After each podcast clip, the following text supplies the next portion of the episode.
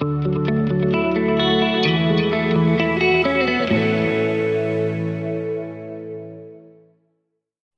bij de podcast Eveline in Boekenland over de mythes, geheimen en revoluties van het boekenvak.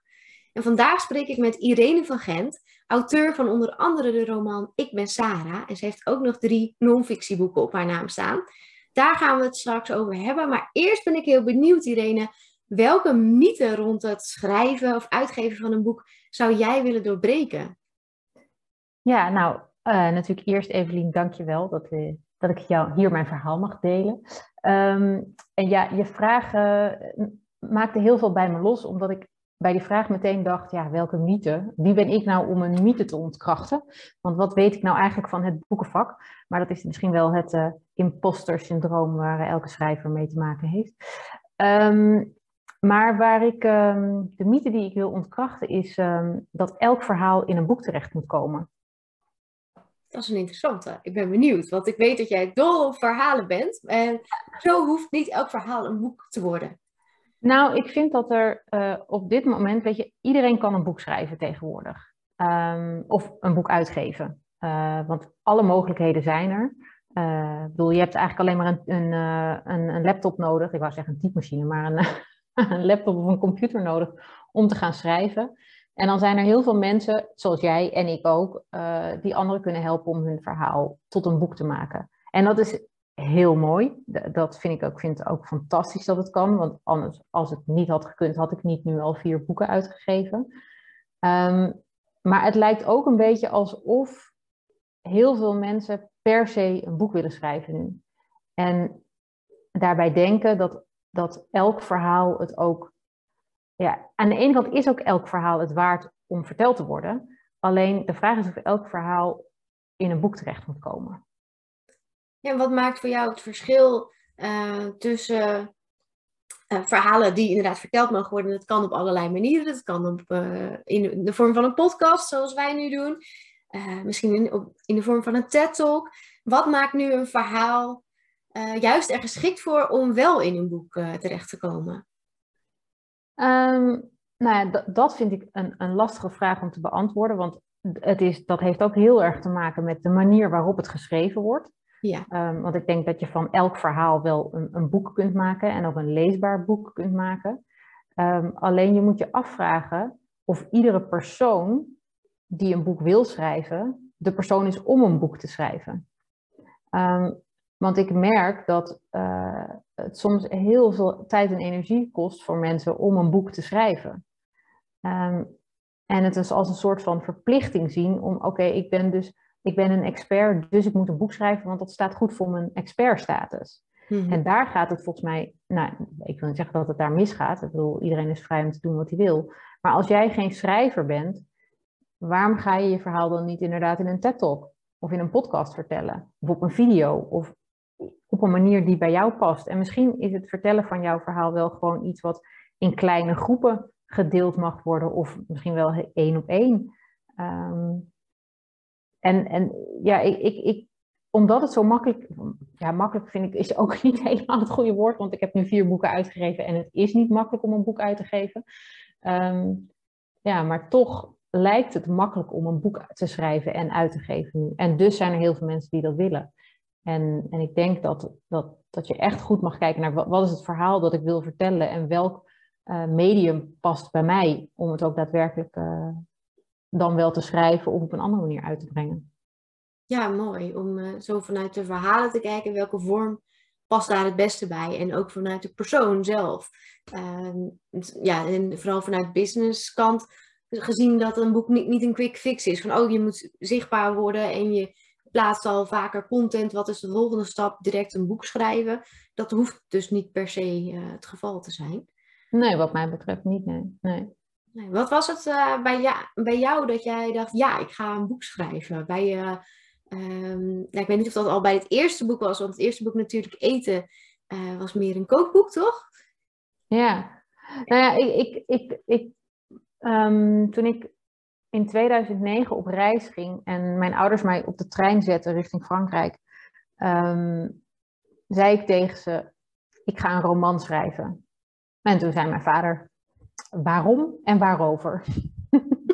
En toen zei ik, over een vrouw die net zo struggelt als ik. dat was in 2009, let wel, 13 jaar geleden. Ruim 13 jaar geleden ondertussen. Ehm, en uh, nou, dat boek dat is nu net uitgekomen, om heel eerlijk te zijn. Want Ik ben Sarah gaat over een vrouw die net zulke strugglingen tegenkomt als ik in het leven. Um, maar mijn kookboek was eigenlijk meer een samenloop van omstandigheden. Um, ik had een blog over eten. En dat was in de tijd dat foodblogs nog niet zo heel uh, bekend waren. Dus ik, ik liep een beetje voor de meute uit. In die zin, um, het was een heel simpel blog, maar er zaten, stonden goede recepten op. En ik werkte samen met een aantal partners die, um, die daar met hetzelfde onderwerp bezig waren, namelijk eten, uh, gezonder eten natuurlijker eten. En um, op een gegeven moment uh, dacht ik, nou, ik heb nu zoveel blogs, weet je, als ik nou, of zoveel recepten, als ik die nou bundel, dan kan ik die meegeven aan de mensen die bij mij komen eten. Want ik werkte toen regelmatig als kok. Dus dat was inderdaad toen wel een beetje vanuit die expertstatus. Zo van, uh, nou ja, weet je, mensen vragen om die recepten. Laat ik ze dan ook maar gaan bundelen. Dus, ja, maar dus ook vanuit vraag en vanuit, het, ja, een boek is toch ook een fysiek product wat Ehm, ja, wat blijvend is. Ja, maar hmm. eigenlijk was mijn idee om het gewoon op, op, op uh, uh, het, de A4'tjes te printen. Zodat ik het mee, gewoon mee kon geven. Niet eens verkopen. Ik dacht gewoon, ja, die mensen vinden het leuk. Ik geef het gewoon mee. Ja. Maar een van die, van die partners met wie ik toen samenwerkte, zij wilde graag ook iets met vormgeving doen. En het, het, het boek paste goed bij haar platform. Dus toen hebben we samen dat boek in elkaar gezet. En toen kwamen er ook verhalen bij. En toen werd het meer dan een boek dat, dat, het werd toen meer dan een receptenboek, toen werd het een verhalenboek over eten. Oh, mooi. En dat heb ik samen met haar toen gemaakt. Um, ja, en toen was het een boek. En, en dat, dat proces van het, het, maken van een boek, dat had ik zoiets van, oh, dit kan dus. En dat was in 2010, dus dat was twaalf jaar geleden. Self-publishing was toen nog helemaal niet zo hot. Maar, en ik, ik wist ook helemaal niet hoe dat moest. Dus ik was ook vergeten om op de achterkant van het boek bijvoorbeeld een ISBN-nummer te zetten. En het, ik had het niet aangemeld bij bol.com en het CB en weet, en weet ik allemaal. Um, dus ik heb dat helemaal zelfstandig gedaan.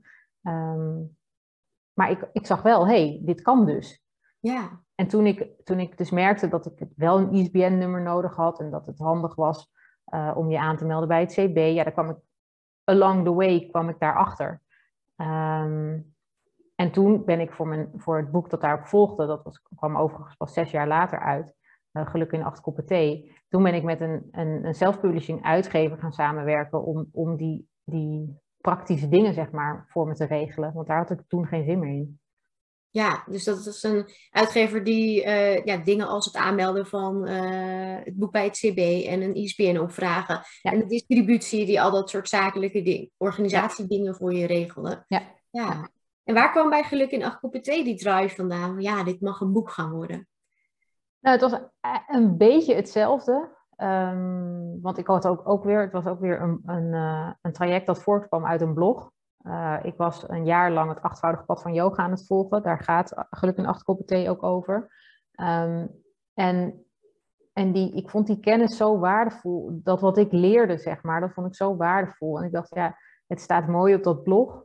Um, maar volgens mij zijn er heel veel mensen die aan yoga doen, die ook heel erg genieten van boeken lezen. Dus, en ja, weet je, een blog is toch weer, je zit op je telefoon of je, of op je computer te kijken, te lezen. Um, en die bundeling in een boek vond ik toen wel heel belangrijk. Om, om gewoon een soort offline uh, um, uh, verhaal te hebben. Ja. ja. Zijn er ook uh, bij jou verhalen geweest die het niet tot een boek hebben gemaakt? Ja, ja kwam ik, toevallig, ik zag toevallig laatst. Ja, oh, trouwens, zit best wel veel, want ik was al eerder aan een roman begonnen. En had ik toen aan een paar mensen laten lezen en die zeiden: Jeetje, dit is echt zo depressief, ga dit maar niet uitbrengen. En toen heb ik me ook laten tegenhouden om, het, om, om er nog verder mee te gaan. Ja. Um, en uh, er is een ander boek, uh, dat was meer een biografie over uh, een, een eh, burn-out periode in mijn leven. Mm -hmm. um, en dat boek, dat las ik laatst weer door en toen dacht ik, ja, ik, ik, ik snap heel goed dat ik dit niet heb uitgebracht. Um, omdat ik ja, wel echt merkte dat het echt heel, heel depressief was. En, en achteraf bleek het ook gewoon meer therapie voor mij te zijn geweest om dat boek te schrijven. Ja, Ja, soms schrijf je inderdaad verhalen ook puur voor jezelf. Ja. En hoeft het niet per se naar de buitenwereld. Heeft het zijn werk eigenlijk al gedaan? Ja.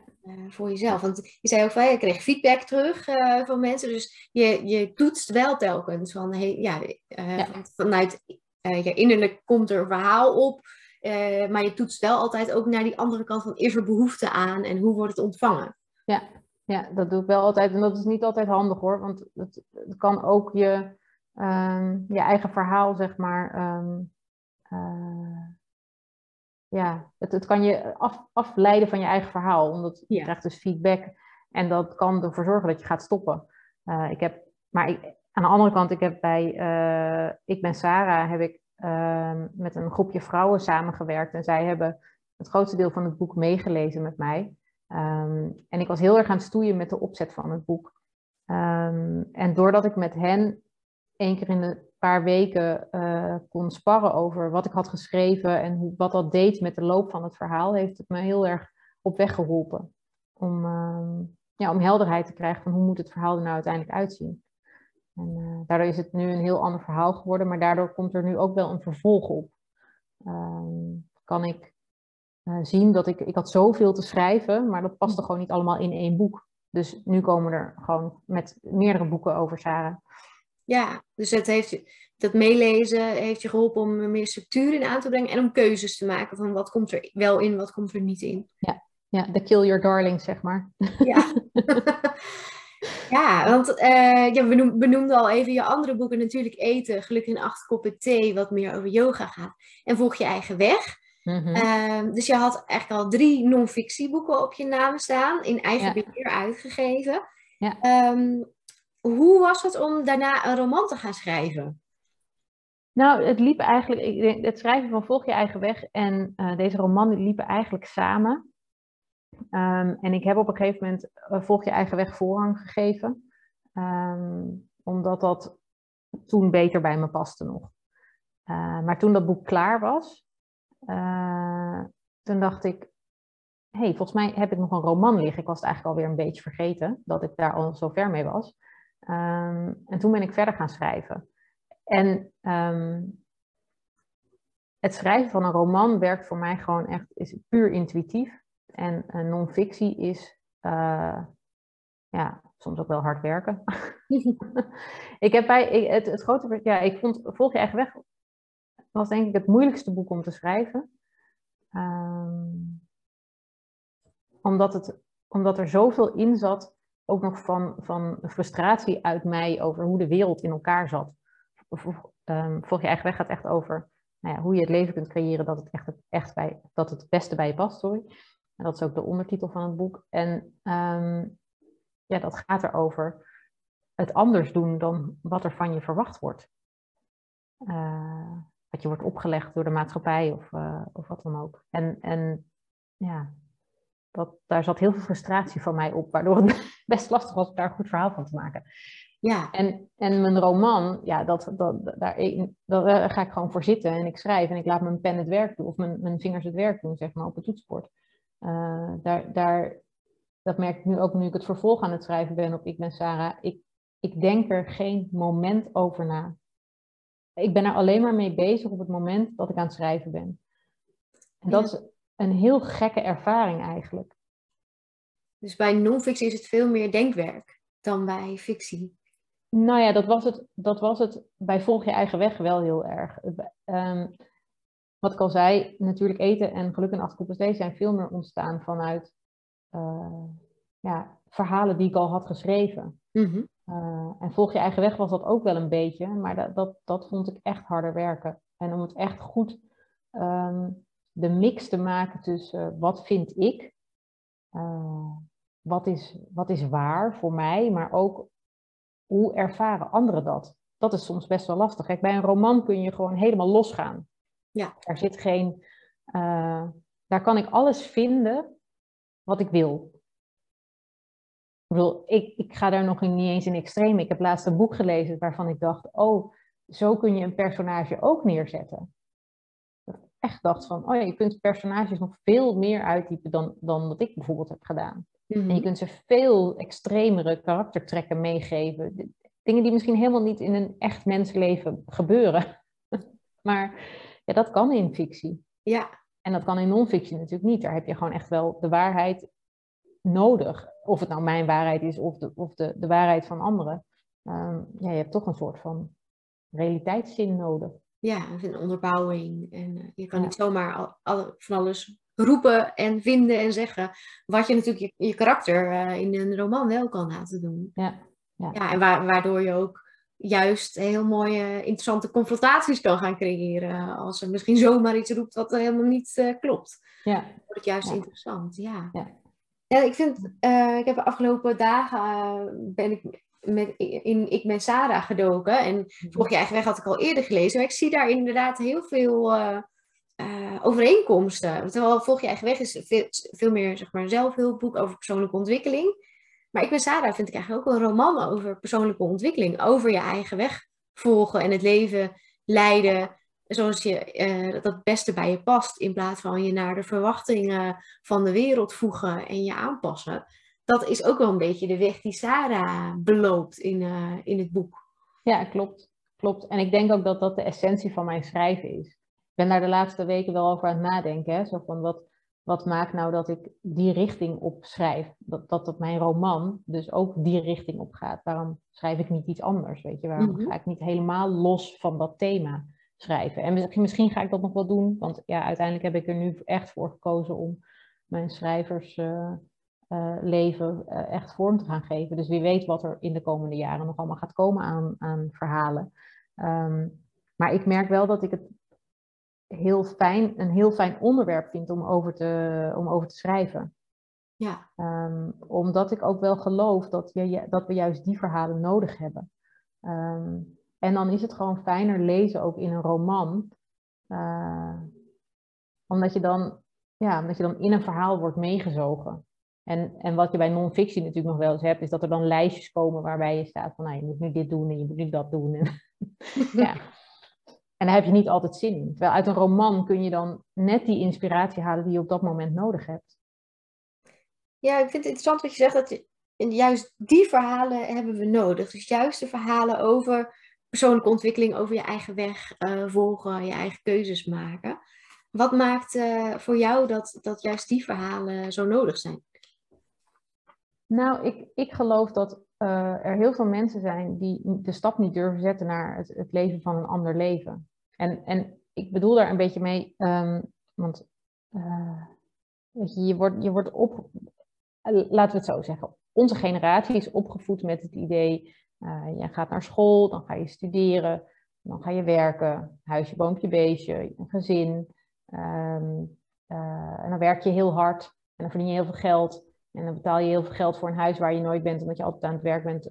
Weet je, dat is een beetje het idee mm -hmm. van, van hoe we zijn opgevoed. En als mensen anders gaan leven, uh, bijvoorbeeld door um, niet een eigen huis te hebben of uh, niet aan een gezin te beginnen. Of um, ja, dan, dan kun je op een vreemde manier worden aangekeken.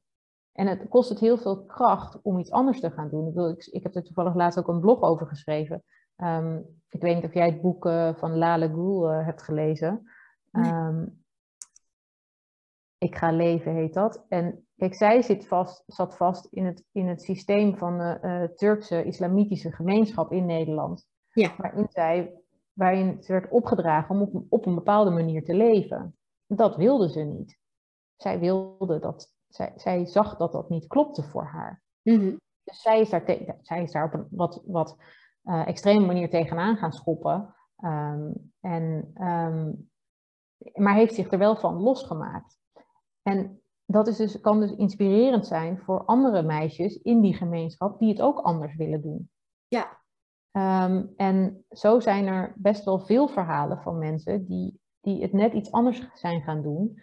Um, ja, en die kunnen mensen net dat setje geven om, om een volgende stap te zetten. Ja, het fijne is van een romanvorm, want uh, Ik ga leven is volgens mij ook autobiografisch, hè? Ja. Um, uh, en ik kan me voorstellen dat, dat een roman je juist heel veel vrijheid geeft om via andermans ogen te zien hoe zo'n ander leven eruit zou kunnen zien.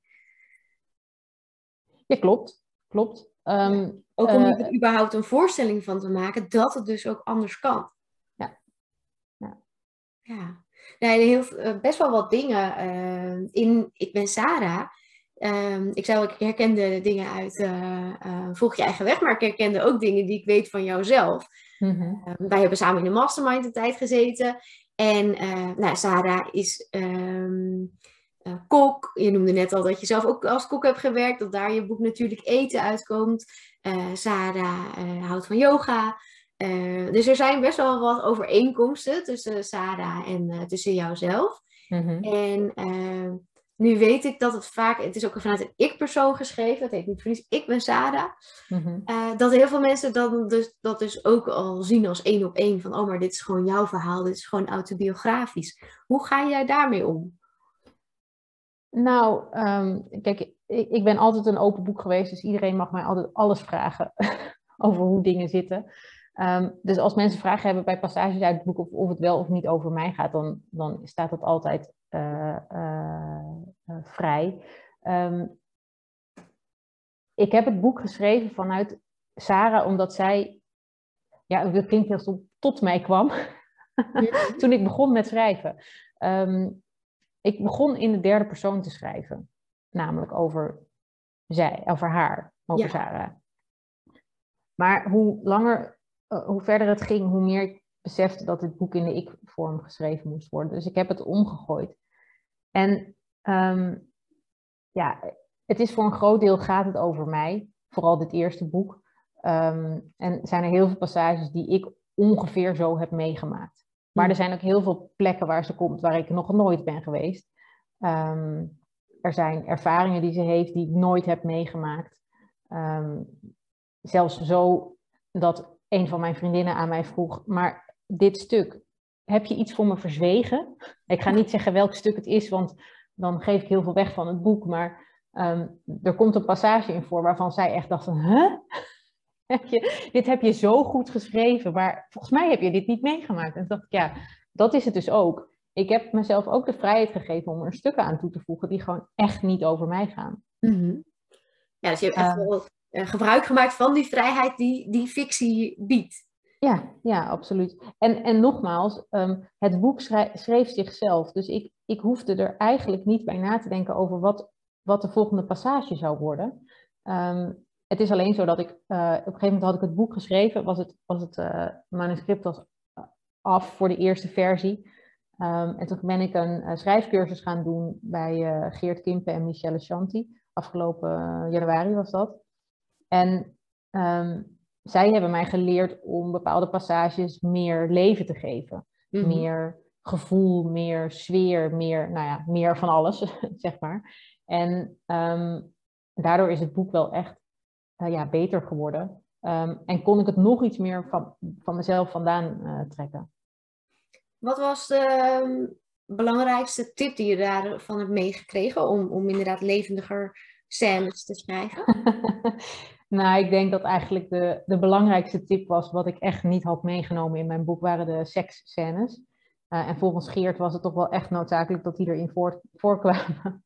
dus um, uh, daar heb ik mezelf echt overheen moeten zetten um, om die te gaan schrijven.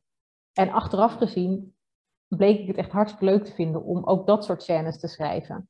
Um, en dat ging bijvoorbeeld beter dan het beschrijven van hoe uh, je krijgt bijvoorbeeld ook tips als, uh, nou, omschrijf dan hoe het is om een vlezige tomaat te eten bijvoorbeeld. Ja, daar ben ik echt super slecht in. En het is me ook in die cursus niet, niet gelukt om dat voor elkaar te krijgen. Um, maar ja, andere dingen dus wel. Ja. En, uh, ja, en, en wat me ook erg blij, bijgebleven is van die cursus, was dat Geert op een gegeven moment zei... Um, ja, het kan maar zo voorkomen dat het verhaal wat je schrijft, dat dat ook daadwerkelijk gaat gebeuren in jouw leven. Um, en um, uh, nu dacht ik, voordat ik het verhaal af had, van nou, dit heb ik allemaal al meegemaakt, dus dat hoeft niet meer. Mm -hmm. maar um, uh, nou ja, het is allemaal weer gebeurd. of heel veel passages uit het boek zijn me alsnog overkomen. Ja. Ja, ja interessant is dat. Wat, uh, kun, je, kun je daar iets meer over, over vertellen? Wat, eigenlijk ja, wat het verhaal met jou zelf gedaan heeft of wat het in, in beweging heeft gebracht voor in je leven? En nou, het heeft verschillende dingen in beweging gebracht. Eén is dat ik afgelopen zomer mijn relatie verbroken heb. Ehm, en dat had tot gevolg dat ik, um, bedoel, naast het feit dat het gewoon heel verdrietig is dat die relatie voorbij is, hè, maar daar ga ik niet te veel op in. Mm ja, stond, ik, stond ik eigenlijk weer met mijn spullen op straat. Uh, en niet heel letterlijk, want uh, de dozen met mijn meeste spullen die, die staan nog in het huis waar ik met mijn ex samen woonde. Um, maar ja, ik moest wel de keuze maken, net als Sarah eigenlijk, ja, wat, wat, wil ik, wat wil ik in deze relatie? Kunnen wij nog verder samen? Ja. En, en hoeveel liefde er ook was um, en nog steeds is, een relatie samen werkt op dit moment niet voor mij. Dus ik moest uh, ja, eigenlijk mijn hele leven weer opnieuw gaan ontdekken. Um, dat betekende dat ik, dat ik geen plek meer had om te wonen. Um, nou, dus dat, dat, dat was al een intense keuze. Um, toen heb ik de keuze gemaakt om uh, eerst een paar weken in Nederland uh, als nomade te leven. En nu zit ik in, in Griekenland. Net als Sarah in het begin ja. van het boek. Ja. en de reis hier naartoe, ik zou eigenlijk samen met een vriendin hier naartoe gaan. Um, en eigenlijk is het ook, ook wat Sarah in het boek meemaakt, is dat ze eigenlijk heel vaak uh, kiest voor wat een ander wil. Um, is ze meer, soms is ze meer trouw aan de ander dan aan zichzelf. Um, en dat herkende ik ook weer in de reis hier naartoe, want uiteindelijk zit ik nu in mijn eentje in plaats van samen met een vriendin. Um, omdat ik ook weer meer aandacht had gegeven aan wat zij wilde dan wat ik wilde. Uh, en daardoor is er een, uh, een breuk ontstaan tussen haar en mij. Uh, en besloot zij om um, haar eigen reis te gaan maken. Wat dus meteen betekende dat ik ook mijn eigen reis zou gaan maken. Ja, wat helemaal in lijn is inderdaad met, met ik ben Sarah en volg je eigen weg. Ja, ja. Ja. ja. Interessant hoe dat weer ja, zijn invloed heeft en mee, mee beweegt in je leven. Ja. Ja. je noemde net al even dat je uh, een cursus had gedaan bij Michelle Santi en uh, Gip van Kimpen. Ja. Wij hebben ook je boek uitgegeven, of in ieder geval de Paris Books is het uitgegeven, toch? Ja, klopt. Ja. Um, ben je, wat, hoe kwam je tot die keuze om het dus bij een andere hybride uitgever uit te brengen? Um, dat had een paar redenen. Eén uh, is dat de uitgever met wie ik um, werkte voor mijn andere boeken uh, zijn uh, focus ging verleggen. Mm -hmm. Dus niet heel veel boeken meer wilde gaan uitgeven.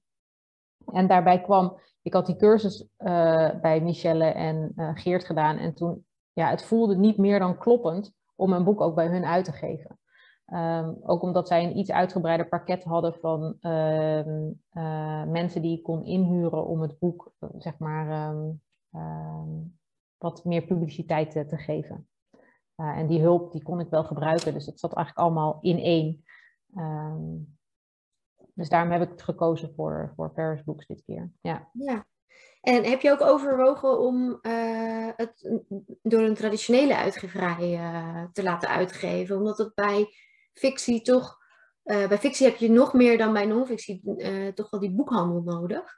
Ja. En dan is een traditionele uitgeverij kan natuurlijk zorgen voor een brede verspreiding via de boekwinkel. Ja, ik kan me ook voorstellen dat je dat hebt overwogen. Um... Ik, ja, ik heb, er, ik heb er zeker over nagedacht. En, en wederom um, was het uh, me de tijd niet waard. Uh, om, het, uh, om te wachten totdat zij wel of niet zouden zeggen, ja, we gaan je boek uitgeven. Ja. dit boek lag er al zo lang. ik was in 2016 al begonnen met schrijven en ik wilde gewoon heel graag een boek op de markt brengen. Ja, toen het klaar was, toen, dat was afgelopen zomer, ergens begin van de zomer, um, wilde ik het heel graag het nog dit jaar uitgeven. Ja. En ik dacht, als ik dan naar een uh, traditionele uitgever ga, dan, dan ga ik dat niet redden. Nee. En um, ja, ik, ik heb die twijfel ook continu gehad, want ik, ik heb wel een dingetje met afwijzing. Dus ik denk dan ja. En um, bij Paris Books waren ze echt ontzettend enthousiast.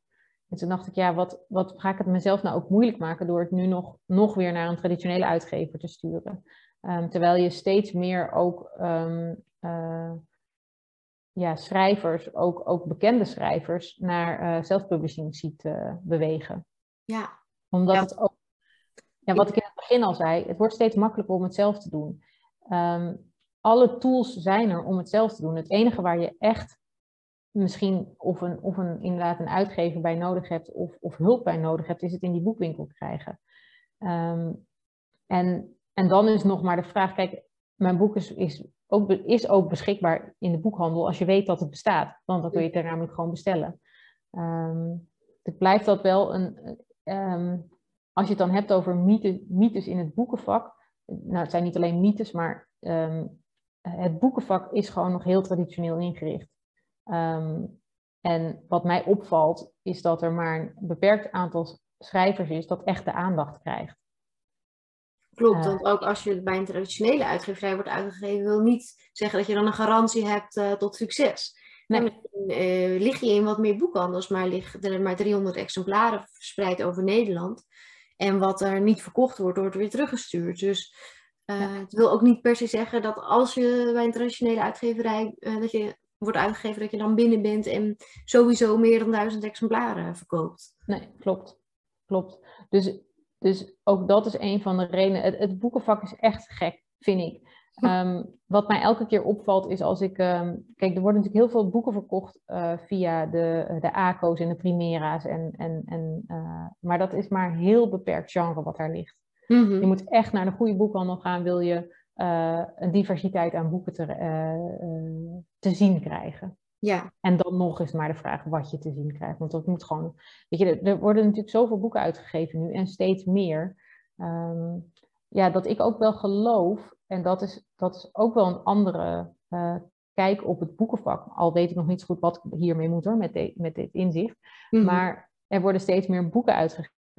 Um, maar dat betekent ook dat de boekenlezers steeds hebben.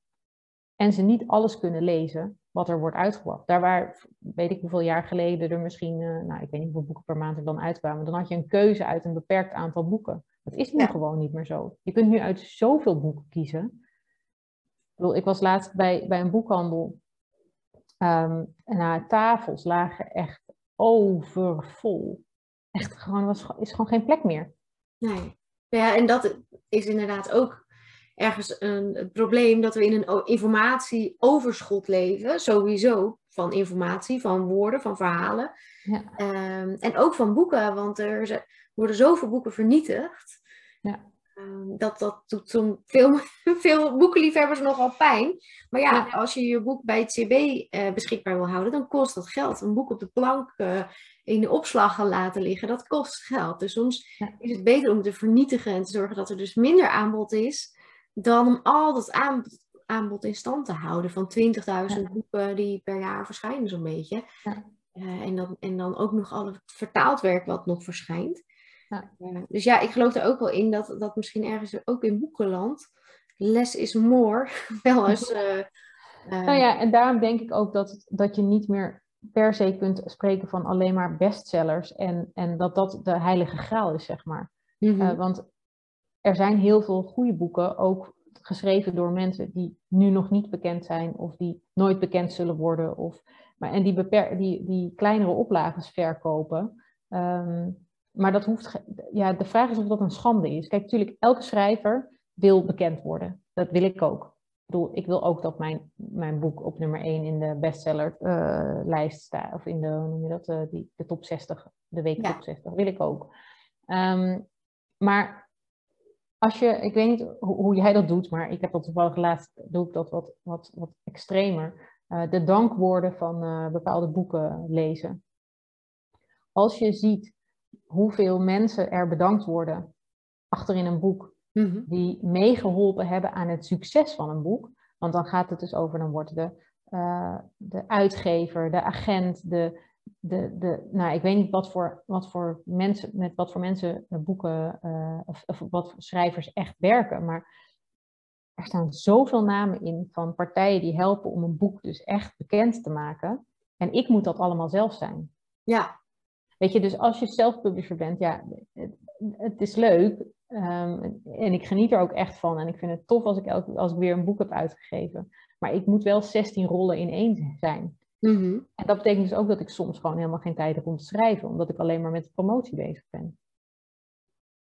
En, en dat maakt, het, maakt het wel lastig, zeg maar, als je echt schrijver wil zijn.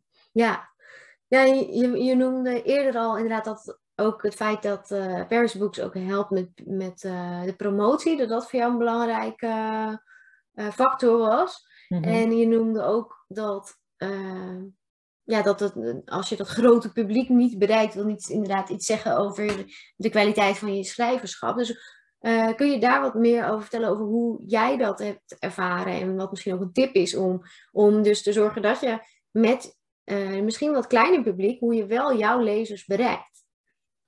Nou ja, om heel eerlijk te zijn, is dat voor mij nog steeds echt een zoektocht, merk ik. Um, ik heb uh, alle trajecten van mijn boeken op iets andere manier aangepakt, zeg maar. Qua hoe, hoe verkoop je nou een boek. Mhm. Ehm, mijn eerste twee boeken waren heel helder. Een kookboek verkoop je in de koopwinkel, was mijn idee. En een yogaboek in de yoga, uh, in de yoga studio. Ja. Dat heeft heel goed gewerkt in allebei de gevallen. Uh, volg je eigen weg? Ja, was voor mij echt de vraag. Waar verkoop je dat als het niet in de boekhandel ligt? Dus dat betekent dat je online echt enorm actief moet zijn. En daar had ik op dat moment, toen dat boek uitkwam, niet zo heel veel tijd voor. Ehm, en dan zie je dat dus ook meteen in je verkopen.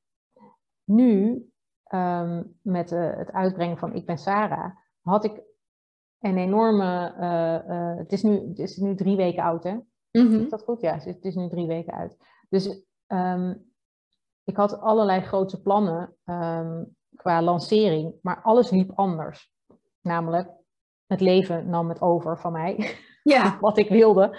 Um, dus het, was voor mij, het is voor mij best wel lastig om te kijken van, hey, hoe doe je dat dan? Hè? Ja. Um, Paris Books heeft mij geholpen met een, uh, met een persbericht. Ze hebben ook een mailing naar de boekwinkels gestuurd. Um, en als ik kijk naar de respons daarop, dan, ja, weet je, dan is, dan is het ook weer bladen en, en boekwinkels krijgen zoveel aanbod dat ze, mm. dat, het maar net moet, dat ze het maar net eruit moeten pikken. Um, dus je, je, je komt toch ook op, op de stapel, zeg maar. En dan betekent toch weer, je moet het zelf doen. Want als jij, jij bent de enige die jouw verhaal kan vertellen. Of het verhaal over het boek. Of wat dan ook, weet je wel. Dus je, je, je hebt gewoon heel zichtbaar te zijn. En zeker met een boek. Ja, dat, omdat, er, omdat er zoveel boeken zijn. Ja, en zeker veel romans. Ja, dan, wil je, dan moet je er gewoon wel spreken. Dus voor mij is dat nog wel een beetje de zoektocht naar, oké, hoe zichtbaar ben ik en via welke kanalen? Ja.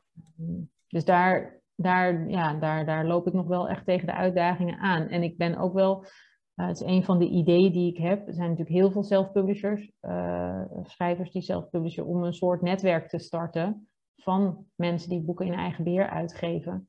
Um, of daar een soort van webshop omheen te bouwen of iets dergelijks. Weet je wel? Dat je in ieder geval elkaar ook kunt helpen om Ehm, ja, die verbinding te maken. En elkaar te, ook, te, ook te inspireren en, en, en um, ja, ja mooi, ontdekken hoe je dat doet. Ja, mooi hoe open je hierin bent. En, en ook interessant om te horen dat je dus met je eerste boeken, uh, juist waar ik ook voor pleit, uh, ook te kijken naar andere kanalen dan de boekhandel. Dan, ja, dus dat heb je met je kookboeken en met je yogaboek heel goed gedaan.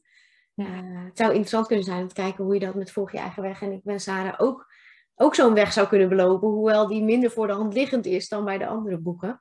Ja, uh, ja en ik heb eerder ook al eens ge, gebrainstormd met mede-collega's en redacteuren, vormgevers over een soort uh, platform voor self-publishing. En toen kwam ik zelf, in ieder geval wierp ik de vraag op jou, maar waar zit de connectie met de lezer? Want is de lezer te wachten op een platform uh, met zelfpublishing? Weet je, wat is de meerwaarde voor de lezer? Dat die denkt, oh, ik moet bij dat platform zijn.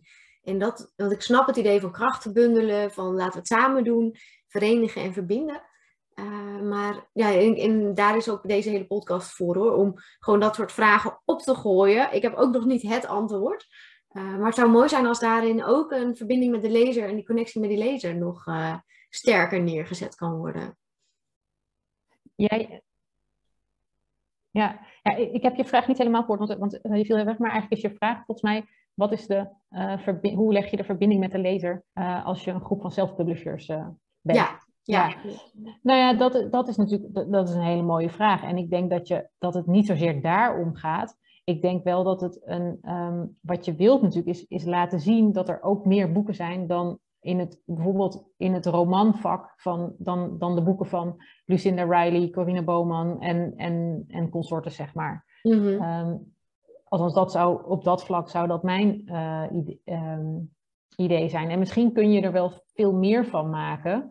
Uh, het voor mij gaat het om, om zichtbaarheid en ook, ik denk voor de lezer, ehm, want dan kom je weer een beetje op dat stukje volg je eigen weg misschien wel. Ja. Um, het is natuurlijk heel makkelijk om te kiezen voor de boeken die toch al in de winkel liggen.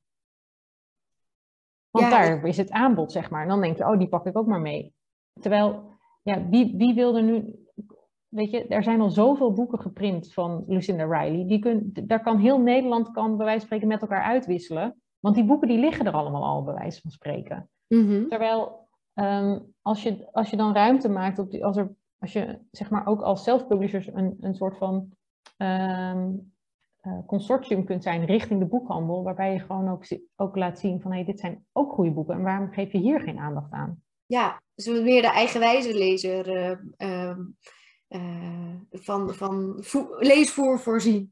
Ja, nou ja, en, en ook gewoon ja, de zichtbaarheid en, en natuurlijk de verbinding met de lezer. Maar waar, de, de vraag is, kijk, ik koop een boek als ik het zie, meestal. Of hm. als ik getipt word door iemand of, of nou ja, weet je zo, ik was laatst in, in een boekwinkel en toen uh, zag ik daar het boek, um, uh, oh nu ben ik de titel, waar de, Zolang de citroenbomen bloeien.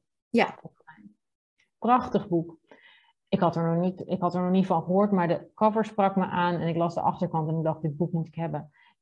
Terwijl ik het zag, dacht ik, oh, dat boek dat moet er al heel lang liggen. En toen bleek dat het eigenlijk pas net was uitgekomen.